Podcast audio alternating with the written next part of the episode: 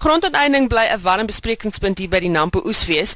Die meeste dialoog wat plaasvind hier by die Nasie en Gespreksaal is egter baie positief. Um en die Departement van Landbou het ook gesê dat hulle besef dat die manier waarop daar te werk gegaan is sover om grondhervorming te bewerkstellig heeltemal verkeerd was. Nou gaan ons gesels met 'n klomp mense. Ek gaan begin vanoggend met Theo Foster, gespreksleier by die Nasie en Gesprek uh, dialoogreeks en hy is ook van Galileo Capital. Theo, ehm um, gedagtes rondom dit wat sover bespreek is rondom die gesprekke oor grondhervorming. Susan, goeiemôre. Wat my opval hierdie jaar van vorige jare is, ek dink nommer 1 uh eh, minister Zokwane, die minister van landbou was hierso, dis die tweede keer wat hy hier is en voor dit was daar vir meer as 'n dekade geen ANC minister eers hier naby nie. So het ons ook gehad die direkteur-generaal van landbou en die hoof van die landbank. So van die groot rolspelers was hierso. Nou wat vir my interessant is, is van regeringskant af word daar direk erken dat die programme tot nou toe nie gewerk het nie en dat ons hierdie programme sal moet aanpas. Net so aan die ander kant sien ek van die kommersiële boere se kant af is dit duidelik die gevoel van ons sal julle help in vennootskappe. Ons sal saam met julle in hierdie proses betrokke raak. So ek dink dis iets wat baie nuut is in hierdie gesprek. Ek wou vir sê want oral waar ek gaan is daar baie mense wat wat kom luister na waar hierdie mense praat om om te hoor wat hulle sê want hulle wil betrokke raak en dan hierdie bekentenis wat sê dit het nie gewerk nie ons moet dit anders doen. Ja, ek dink ek dink dis hoekom ek baie positief voel oor dit dit die gesprek hierdie jaar is baie meer gesentreer op watse modelle kan werk. Wat kan jy maak werk en waar werk dit? So ek dink dit dit dit 'n bietjie van 'n minder van 'n politieke ondertoon en, en een van die elemente wat vir my baie sterk deurkom beide van die hele rolspelers en as radikale ekonomiese transformasie beteken dat mense titelaktes gegee word het sy in stedelike gebiede of in van die tradisionele landelike gebiede dan ondersteun ek daai tipe radikale ekonomiese transformasie. Daar is genoem in die gesprekke daar's meer as 'n miljoen, iets soos 1. amper 1.5 miljoen mense wat in stedelike gebiede bly in huise verlang binne die reg, binne die wetlike raamwerke, maar wat nie wat nie titelaktes het nie. Nou as dit die tipe van manier is om mense te bemagtig en net so gaan jy na die platlandse areas waar plase gebruik is vir hervestiging waar die proses deurgegaan het, maar daar is nie formele titelakte nie. En ek dink dis van die elemente wat uitgelig is. Van die ander elemente wat uitgelig is, baie sterk deur die departement van landbou met die ondersteuning van finansiering van die van die landbank is hierdie konsep van vennootskappe, van gesamentlike ondernemings, van strukture waar grond in die proses bygesit word en waar amper waar, waar die boer as 'n soort van 'n mentor, as 'n bestuurder betrokke raak met die onderbou van die grond en dan die die gemeenskap. So ek, ek voel dat dat dat die dat, dat die gesprek het wegbeweeg van die regering wat sê dis ons ons dit doen en daar's geen ander manier of boere wat sê ons gaan dit nie doen nie. Nou goed, kom ons kom by modelle wat werk wat vir my positief is. Nou nog een van die gaste hier om die gesprekstafel vanoggend by die Nasie en Gespreksaal is Christo van der Rede adjunk uitvoerende direkteur van Agri SA en ek sien dat jy uh, aandagtig sit en luister na wat jy sê jou gevoel oor oor alles wat jy sover gehoor het rondom grondhervorming hier. Susan meer as 500 plase wat oorgedra is in die Vrystaat staan vandag verlate. Ek was onlangs daar in die Ficksburg omgewing van die appelplase wat oorgedra is en dit is verskriklik om die toestand op daai plase waar te neem. Nie net dat die produksie op die plaas tot stilstand gekom nie, maar die werkers het hulle werk verloor en die staat het 'n klomp geld verloor. Behalwe dat jy die plaas aankoop, moet dan nou nog uh, geld beskikbaar gestel word vir produksie. En uh, as die geld nie optimaal benut word nie, dan sit jy met 'n groot probleem. Met ander woorde, ons het jammerlik geval in terme van grondoordrag en grondhervorming. Nou as jy die sommetjies gaan maak, dan kyk jy na 36 miljard rand wat ons die afgelope aantal jare gespandeer het in terme van grondoordrag. Nou as ons reg spandeer het en ons die regte kandidaate vir hy plase gekry, dan kon ons by vandag seker al uh, tussen 2000 tot 5000 swart kommersiële boere uh, jy weet werksaam gehad het op daai plase. So um, jy weet die die, die fokus moet skuif van oordrag van grond na groepe mense toe en dan word die verwagting geskep dat daai groepe mense gaan nou die plaas bewerk. Dit werk net nie eenvoudig so nie. Ons wil gaan kyk na individuele eienaarskap en soos jy reg genoem het, gaan kyk na vennootskappe waar identifiseer die regte mense en laat mense ook 'n bydrae lewer. Uh ons sien dit in die Weskaap waar veral breinboere uiters suksesvol is. Dit is mense wat kapitaal bygedra het, met ander woorde hulle dan 'n belang En as jy 'n direkte belang by 'n projek het, dan gaan jy mos jou rug dood en voet op so iets draai nie. Hm. Maar as jy dink verniet gekry het, dan uh, loop dit uit op 'n fiasco. Theo, dit klink soos 'n soos 'n plan vir grondhervorming wat wat Christie op die tafel sit. As 'n mens daai gesprek verder neem en, en en dit was deel van veral die direkteur-generaal van landbou wat hieroor gepraat het. Hy praat van 500 plase in die Vrystaat. Dis rofweg 4000 plase in die land. En dis die syfer wat wat wat gebruik is. Nou om daai plase is moet tog jou beginpunt wees. Voordat jy nou begin met nuwe grond, begin met van die plase wat teruggeneem is en al bou jy daai 5000 plase af na die beste 10%. Kom ons sê 4 of 500 plase.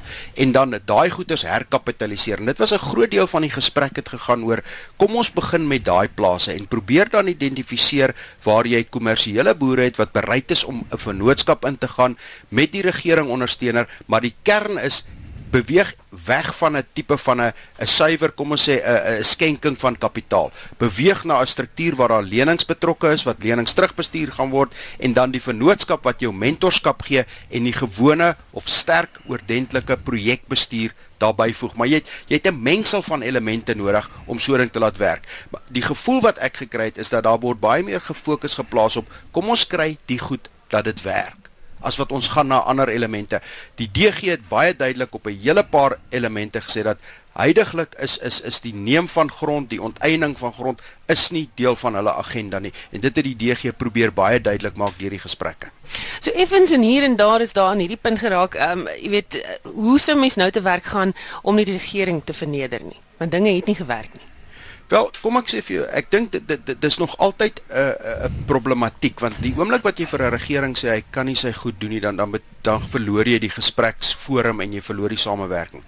Maar as ek vat uit hoofde van wat wat die gesprekke hier was en ek lei nou maar af die die regeringspersone wat hierby betrokke was, vernaamend die direkteur-generaal wat uiteraard die persoon is wat dit moet implementeer. Hy het ruiterlik gesê dit werk nie. Hy het gesê ons het heelwat foute gemaak en hy het selfs van die foute begin uitlig. Hy het van die foute uitgelig byvoorbeeld dat ons het die landbou colleges laat val. Ons moet daai goed regmaak. Dis 'n skande. Hy het gepraat van die projekte wat nie gewerk het wat 'n skande is wat ons moet uitdig.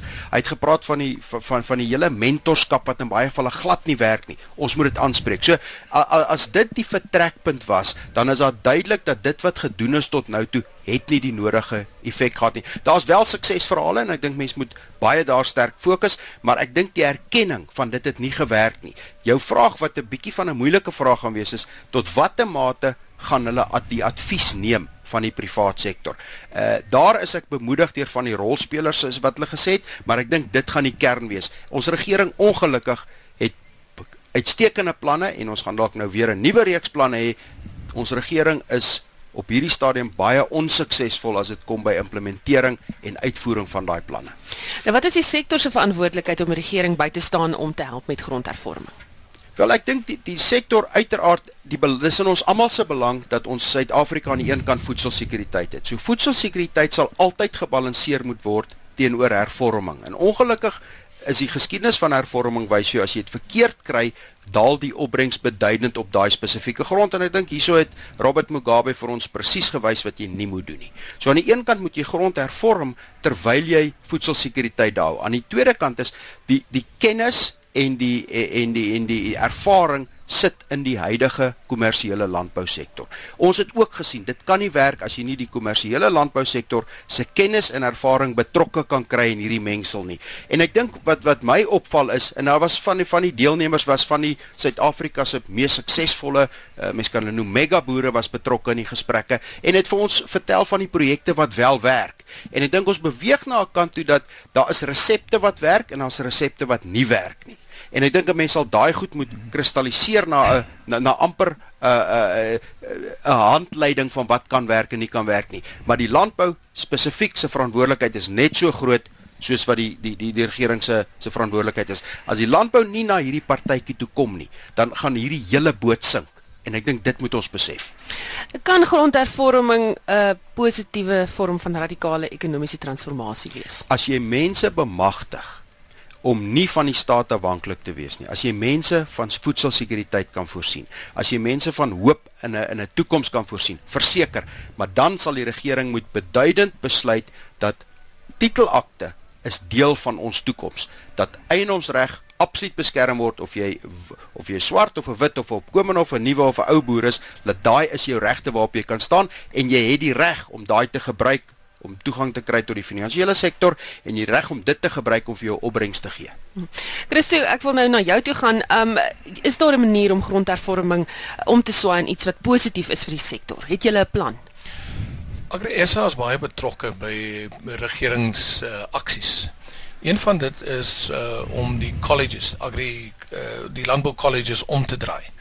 Ons sien dat uh, die 11 uh, colleges wat uh, op hierdie stadium funksioneel is, dat twee van hulle hulle akkreditasie verloor as gevolg van disfunksionele bestuur, uh as gevolg van 'n hele klomp interne probleme. Ons sê dat hierdie 11 colleges uh, het ongelooflike landbou uh, kundiges gelewer oor baie dekades. Waarom kan dieselfde goed nie gedoen word nie?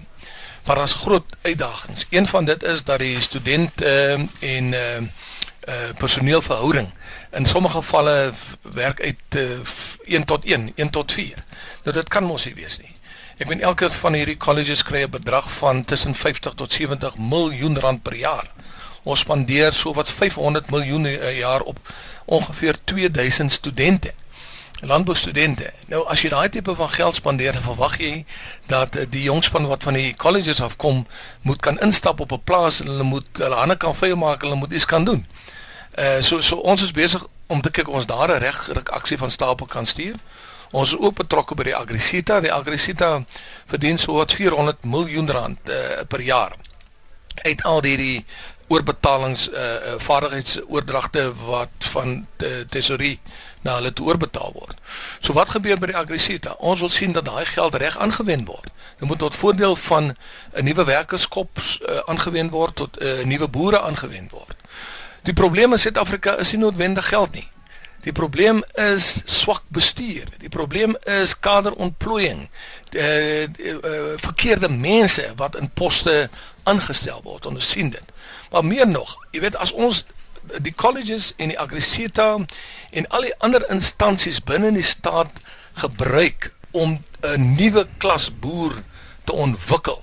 Jy weet, dit is die beginpunt van alles. Dan kan jy met baie groot gerusheid grond oordra en dan is jy seker dat daai grond optimaal benut gaan word. Maar jy kan mos nie 'n bates soos grond in die hande plaas van mense wat nie die kundigheid het nie. Jy het nou onlangs 'n uh, bietjie studie gaan doen oor sake in die in die landbousektor. Ehm um, volgens AgriSA, die stand van grondhervorming in die land? Ja, ons is glad nie gelukkig nie, want dit plaas geweldig baie druk op jou kommersiële boere. As daar uh, byvoorbeeld 'n plaas oorgedra word langs 'n kommersiële boer wat uit 'n suksesvol is en daai plaas verval, dan raak dit 'n misdaadnes en dit het oorspoel effek op die uh operasionele verrigtinge van die buurplaas. Uh so ons moet seker maak dat elke plaas wat oorgedra word, dat in die regte hande oorgeplaas word. Ek wil ook sê dat uh organisasies, ons affiliasies, uh soos byvoorbeeld Wol SA, Graan SA, Winpro, ons praat van hot grow, die sagte vrugte. Hulle het uh, tot op hede so wat 40000 klein boere al ontwikkel en hulle gebruik hulle eie geld. Jaar na jaar spandeer die sektor 'n paar 100 miljoen om mense om nuwe boere op te lei en hulle het 'n suksesvolle program. Ons sien ook dat binne in die verskillende provinsies, Limpopo, Noord-Kaap, Vrystaat, Wes-Kaap, KwaNalu, doen ongelooflike werk om uh, jong boere op te lei en te investeer in werkers. Maar die sektor kry nêrens erkenning vir hulle bydrae nie. Ons word liewers geslaan van dag tot dag omdat ons nie meer doen nie. Maar wie gaan meer doen as jy voortdurend, jy weet, uh, gevlek word soos 'n snoek? Uh jy weet ons moet mense in in uh insentiviseer. Ons moet hulle aanmoedig om baie meer te doen. Uh en daar is stelsels wat ons kan benut vir die doel. Uh, maar ons is voortdurend in gesprek met regering. Ons sit ook op die Agri Bee Charter Council. Uh sodat ons kyk hoe ons dan uh jy, jy weet jou bestaande mense in die sektor kan help om daai voordele te kry en om hulle aan te spoor om transformasie teweeg te bring. Die woord voedselsekerheid word ook gereeld gebruik in die konteks van grondhervorming. Um jy weet, wat is die stand van voedselsekerheid in Suid-Afrika? Miskien moet ons eers dit vir ons self sê. Kyk, Suid-Afrika is in 'n baie gelukkige posisie. As jy kyk na die Afrika konteks, dan gaan dit maar woes. Noord-Sudan, uh, jy weet plekke soos Malawi en selfs uh, Zimbabwe, Mosambiek, uh, dit gaan maar uh, broekskeer in daai lande. Uh, ons voer jaarliks uh, baie baie uh, voedsel uit na lande soos Mosambiek en Zimbabwe. En ek sê altyd as ons kommersiële boere val in Suid-Afrika is ons buurlande gaan hulle eerste instorm in Suid-Afrika en 'n uh, revolusie ontketen. Want hulle mense werk hierso. Hulle is afhanklik van ons voedsel. Ehm uh, hulle is uh, afhanklik van ons infrastruktuur vir hulle eie uitvoere en invoere. So ons Suid-Afrika kan nie die stokkie uh, op daai gebied laat val nie. Maar meer nog intern. Jy weet uh vaar ons boere baie goed. As jy kyk na die geweldige droogte wat ons verlede jaar gehad het uh en ons kon 'n tekort families kon ons binne 'n bestek van 'n paar maande omswaai na 'n surplus toe. Dis nie enige land uh, wat dit kan doen nie en ons moet dankbaar wees vir ons kommersiële boere wat dit kan doen. Maar ons moenie vergeet nie ons sit met 'n honger en werklikse probleme in Suid-Afrika. Die goed wat ons in Kolinie sien en die goed wat ons sien in ander dorpies het niks te doen met ras nie het niks te doen met wit monopolie kapitaal nie. Het niks te doen met boere wat plase besit nie. Dit het alles te doen met mense wat honger en desperaat en werkloos is. En ons moet die sektor gebruik om ons mense aan te moedig om daai situasie om te draai. Stem daarvan Christie van der Rede en hy gaan aanbeweeg. Um die boere was vir 'n baie lang ruk uh, ook in hierdie wurggreep vasgevang. Hulle het seker die hardste gevoel. Uh Marien het wel gekom vir die grootste gedeeltes van die land, maar die Wes-Kaap het, jy weet, uh, skaars genoeg drinkwater oor. So dit gaan baie rof daar. By my is die afdelingsbestuurder van Netbank Landbou Wes-Kaap, Daniel Rousseau. Uh van hoe staan sake in die provinsie? Hoe sleg gaan dit met die landbouers as gevolg van die droogte daar? Maar Susan, ja, op hierdie stadium dink ek dit ons ongekende droogte en dit is nie 'n droogte wat net 1 jaar kom nie. Ons het al vir die laaste 3 jaar onder gemiddelde reënval gehad en dit het natuurlik tot gevolg dat die damme periodiek elke jaar minder water hou. Ehm um, en dit het 'n langtermyn impak as ons nou vorentoe kyk want Weskaap damme word nie in 1 jaar gevul nie. As ons kyk na die Teewaterskloof byvoorbeeld gaan dit 3 jaar vat met bo-gemiddelde reënval om weer weet voldoende um, water te kry om die dam te vul. En ons grootste probleem op hierdie stadium is dan ook dit veral waar ons damme deel vir landbou en dan ook vir die Kaapstad metropool byvoorbeeld. Ehm um, waar dan, dan ook landbou is wat se water hoofsaaklik eers te gesny word ehm um, tot voordeel van uh, uh, van die metro. Ehm um, en dit het ons ook gesien dat van die lewensare is al reeds gesny. Ehm um, veral in die Bergrivier wat geen water meer ontvang of ehm um, uitsit vir vir landbou nie. In die Teewaterskloof um, wat ons grootste dam is in die Wes-Kaap, um, is daar ook al reeds waterbeperkings van tussen 30 en 40%. En ek dink die grootste impak wat ons dan gaan sien is die vraagteken wat hang oor wat gaan volgende jaar gebeur. Um, ons is nou reeds uit die vrugtes en wynseisoen uit. Ehm um, klaar geoes. Ehm um, ons weet nie hoeveel van die boere kon na oesbesproeiing byvoorbeeld toedien nie. En dit is bitter belangrik vir bome om rus te gaan ehm um, weet deur die wintermaande. En dan is daar 'n baie groot onsekerheid oor wat die kwotas gaan wees uit hierdie groot um, waterbronne uit dan ehm um, vir die 2017-2018 seisoen ten veral ten opsigte van vrugte en wyn. Hm. Jy gevra het, jy weet wat is die vooruitskattinge vir volgende jaar, weet ons al. Ons weet nie. Um, ons weet op hierdie stadium nog nie gaan ons 'n bo-gemiddelde winterreënval hê nie. Ehm um, ons graanboere het klaar gesaai, ons wag vir reën. Ehm um, die aanduidings is dat dit vir die volgende week of twee geen reën gaan kry nie en dit is bitter warm in die Kaap. Ehm um, so dit is glad nie positief nie. Ehm um, en wat ons ook gesien het die laaste 2-3 jaar is dat ons bitter min sneeu kry. En soos ons weet het ons vir ons vrugteboorde het 'n uh, redelike groot koue behoefte wat as gevolg van sneeu dan ook ehm um, die noodsaaklikheid van sneeu. Ehm um, en ook vir ehm um, deurlopende voorsiening van van waterstrome. En dit is iets wat nie gebeur het nie. So ja, daar's 'n groot onsekerheid. Ehm um, so ons begin al reeds sien weet dat produsente begin weet kyk na ehm um, afgelope 2 jaar al weet hoe gaan ons water bespaar en veral ten opsigte van besproeiingskedulering ehm um, en hoe weet meer waterbewus te raak. Hm. Maar ons weet ook boere is baie kreatief. So in hierdie tydperk is daar interessante nuwe verwikkelinge in die Wes-Kaap landboubedryf. Ja, daar is. Ehm um, wat ons sien ook in die vrugtebedryf, ehm um, nuwe kultivars uh, met laer kouerbehoeftes wat ons sien. Ehm um, en meer hoë waarde kultivars wat ons sien, juis om voorsiening te maak vir die die onsekerheid rondom weet klimaat en dan ook nuwe bedrywe wat ons sien in die Weskaap, veral byvoorbeeld soos bloubessies wat baie hoë waarde het en wat jy nie noodwendig ehm um, weet 'n groot waterbehoefte ook byvoorbeeld op het nie. Ehm um, en As ons gaan kyk na die Weskaap is ons nou uniek. Ons voer ongeveer 70% van ons produkte uit, so dit is hoë waarde produkte. So die impak wat ons sien is nie noodwendig net op die primêre landbou nie. Ehm um, daar's net so 'n groot waardekomponent binne in die waardeketting wat afhanklik is van ons primêre produk. En as ons nie produkte kan kry weet deur hierdie periode as gevolg van van droogte toestande nie, gaan dit ook 'n impak hê op die op die waardeketting.